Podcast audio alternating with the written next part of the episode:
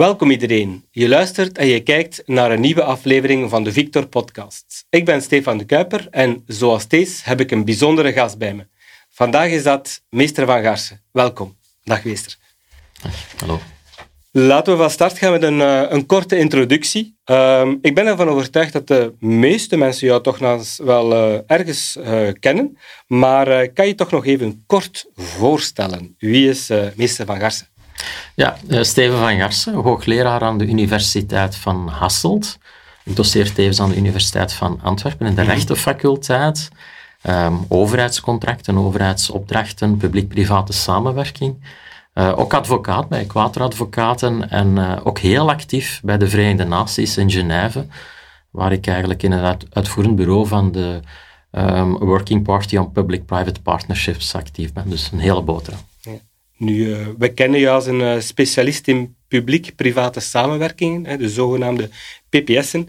Zo'n publiek-private samenwerking biedt heel wat voordelen, omdat dergelijke constructies meer vrijheid geven aan de samenwerkende partijen om invulling te geven aan een project. Het stimuleert vaak ook innovatie en het gebruik van nieuwe technieken.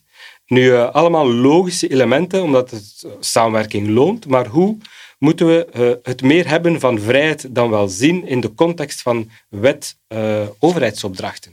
ja, ja, dat is eigenlijk een, een heel interessante vraag. Hè. Het is eigenlijk de overheid die in die PPS-projecten de vrijheid geeft of, uh, of laat. En bij klassieke overheidsopdrachten dan wordt er gewerkt met heel strikte bestekken, wordt er heel precies omschreven wat men wil, terwijl bij PPS-projecten gaat men eigenlijk werken met wat men noemt functionele specificaties. Dat zijn eigenlijk beschrijvingen die meer gaan over ja, hoe men de zaken uh, wil, hè, gericht op outputs. Hè. Ik ga een heel eenvoudig voorbeeld geven uit de, uit de civiele werken. Hè. Men zegt bijvoorbeeld niet, ik wil een stalen brug van 60 meter. Hè. Men zegt eigenlijk gewoon, ik wil een verbinding van punt A naar B. En het is dan aan de private partner om daar creatief mee om te gaan en een oplossing voor te zoeken.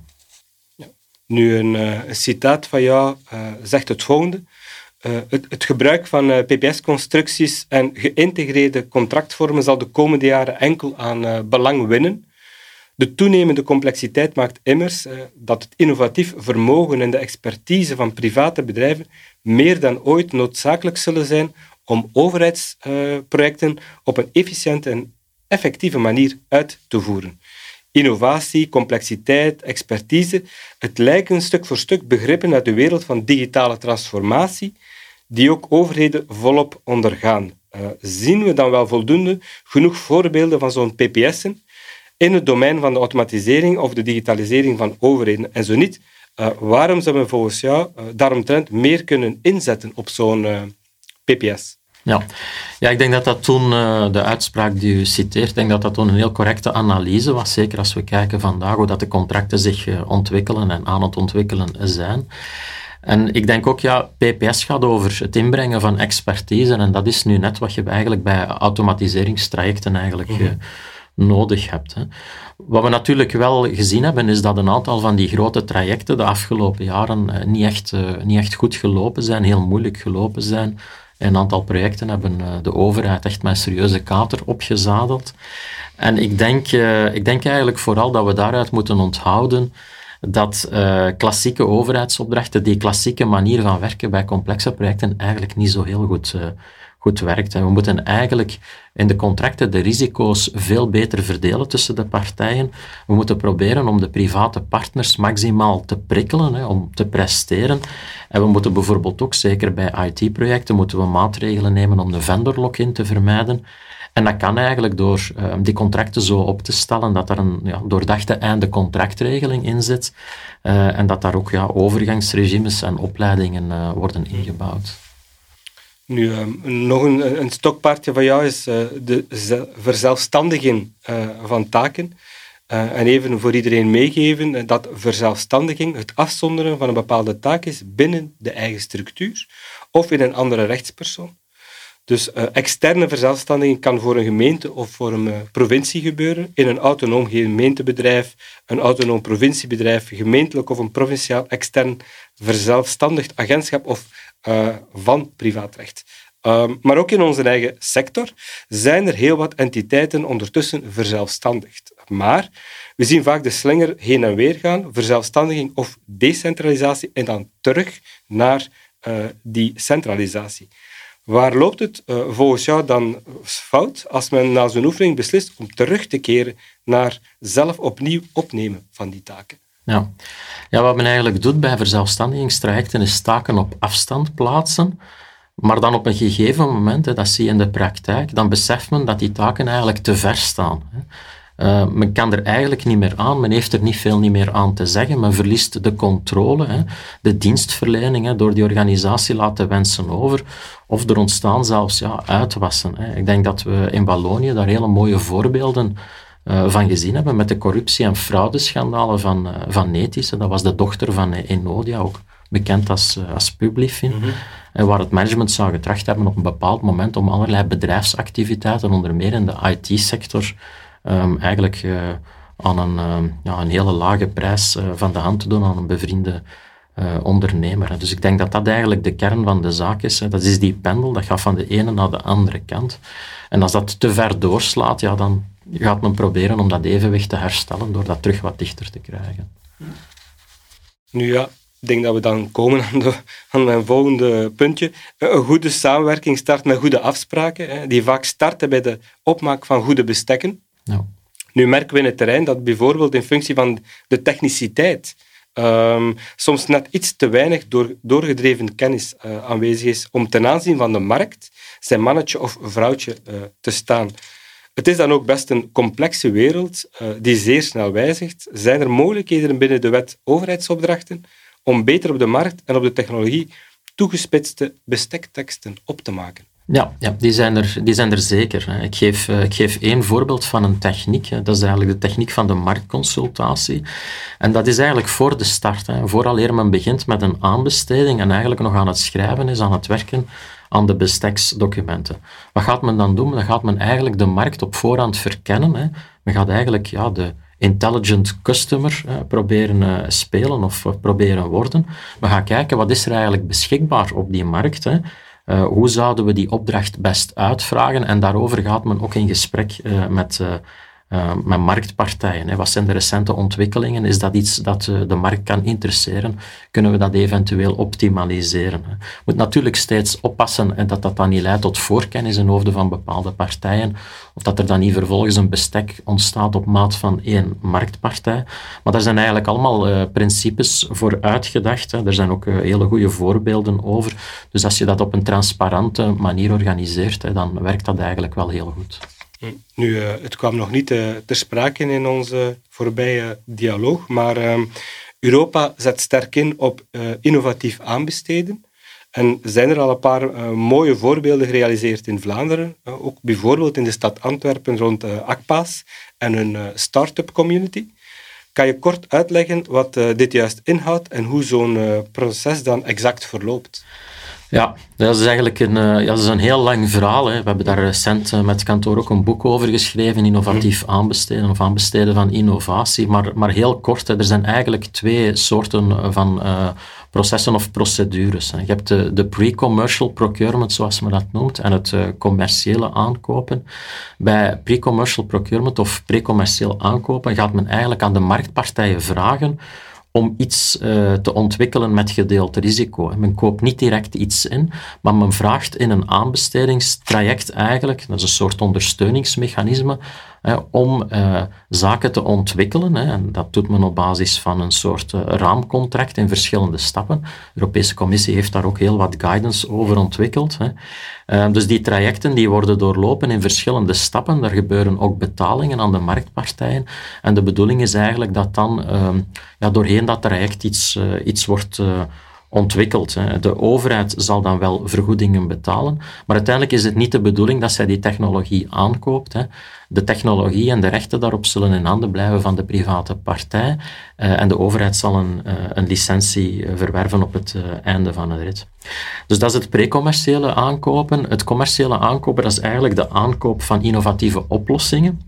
Die al op de markt bestaan, maar waarbij dat de overheid dan bijvoorbeeld uh, de rol van early adapter uh, aanneemt. Hè. Men, gaat, uh, men hier de wetgeving overheidsopdrachten ten volle toepassen, maar men gaat eigenlijk als een van de eerste consumenten die, die innovatie aankopen en vandaar commercieel aanbesteden. Men past de wetgeving wel toe, maar men is eigenlijk ja, bijna een launching customer. Ja. Nu um, staat dan niet heel breed open voor, hè? Je, liet het al uh, vallen, creatief aanbesteden. En kan daar nog toezicht op gehouden uh, worden? Krijgt men vanuit zo'n traject niet te maken met uh, substantiële onregelmatigheden? Ja. ja, de wetgeving overheidsopdrachten zelf is natuurlijk heel complex. Hè. Mhm. Maar bij pre-commercieel aanbesteden bijvoorbeeld, uh, ja, daar is de situatie zo dat de wetgeving as such niet van toepassing is. Hè. Er zijn al wel een aantal principes ontwikkeld hè, die, uh, die best kunnen uh, of moeten worden gevolgd, maar daar is dus heel wat bewegingsruimte. bij het commercieel aanbesteden aan de andere kant uh, wordt heel vaak gewerkt met procedures met onderhandelingen. Medingsprocedure met onderhandelingen, onderhandelingsprocedure. En uh, bij dat soort van gunningsprocedures uh, ja, heb je eigenlijk ook wel wat bewegingsruimte en daar kan je bijvoorbeeld ook offertes regulariseren. Dus op die manier kan je wel vermijden dat je door substantiële onregelmatigheden vastloopt. Ja. Nu, eh, binnen de wet overheidsopdrachten wordt vaak ook gebruik gemaakt van uh, kaderovereenkomsten. En in de meeste gevallen worden zoiets gebruikt om bij wijze van spreken voor een langere periode de soms toch wel ingewikkelde procedure van de wet niet te hoeven uh, opzetten of uit te voeren. Dat pleit natuurlijk in twee richtingen. De wet maakt afhandeling complexer en wordt dan op een wettelijke manier voor een periode omzeild. Maar klopt dat statement eigenlijk in feite in, in recht? Ja, ja. Wel, eigenlijk is het zo hè, bij, bij, bij, bij raamovereenkomsten dat, dat je de wetgeving daar aan de voorkant toepast. Hè. Dus die mhm. wetgeving wordt wel degelijk uh, toegepast. Hè. Um, en eens dat je dan een contract gesloten hebt, hè, dat zal dan inderdaad over meerdere jaren lopen, dan moet je je natuurlijk wel houden aan de voorwaarden van dat contract. En dan moet er afgenomen worden binnen de voorwaarden, of kan er afgenomen worden binnen uh, de voorwaarden uh, van dat contract. Hè. Dus je kan daar niet zomaar uh, substantiële wijzigingen aan beginnen doorvoeren. Dat is één element. Een tweede element is, um, ja, dat klopt dat die overeenkomsten soms heel lang kunnen duren en dat lijkt dan misschien dat dat weg wordt gehouden van de markt. Um, maar je mag de mededinging niet nodeloos beperken en dus in de praktijk hè, een duurtijd van uh, ja, meer dan acht jaar bijvoorbeeld, dat zal absoluut niet, uh, niet evident zijn. Nu, het is ook uh, niemand ontgaan. Hè. De lokale besturen kampen steeds meer met cyberaanvallen. Uit de meest recente zijn er toch wel wat conclusies naar voren gekomen. En een van die conclusies is onder meer uh, het feit dat heel veel lopende contracten van infrastructuur, hardware, software, eigenlijk niet meer voldoen ondertussen aan de hedendaagse normen. Zo kregen we recent een contract te zien um, van een leverancier die systemen um, bij nieuwe updates uh, niet onmiddellijk uh, aangepast heeft, um, maar eigenlijk hiervoor 30 tot 90 dagen tijd neemt voor patches uit te voeren, bijvoorbeeld.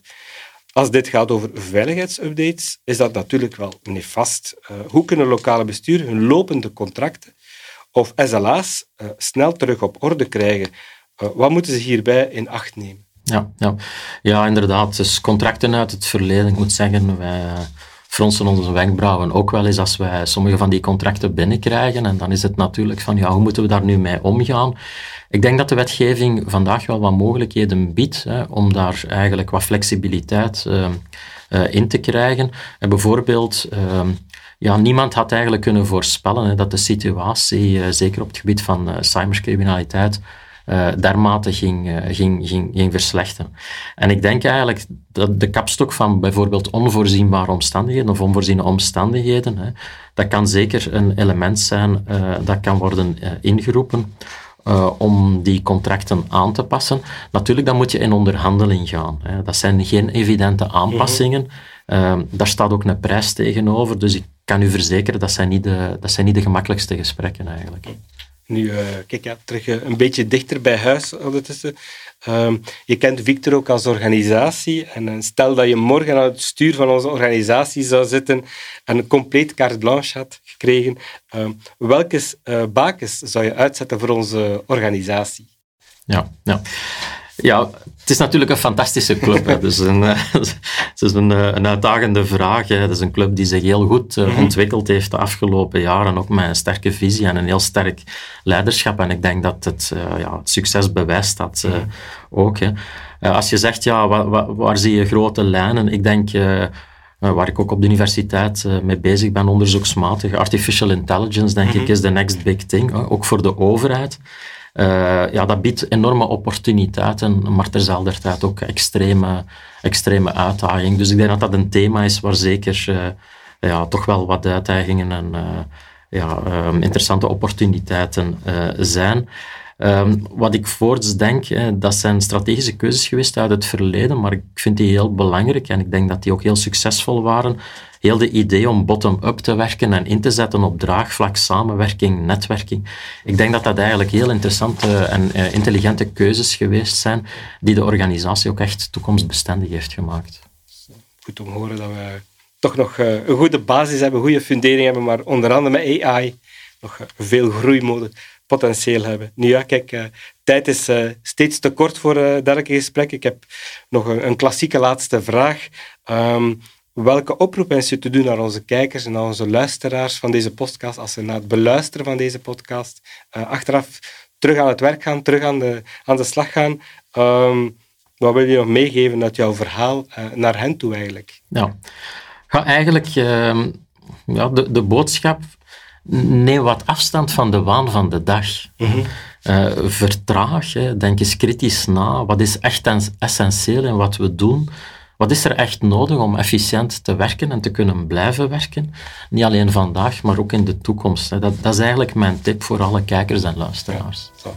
Dankjewel. Mooie tip. Dankjewel, meester Pagasten. Graag gedaan.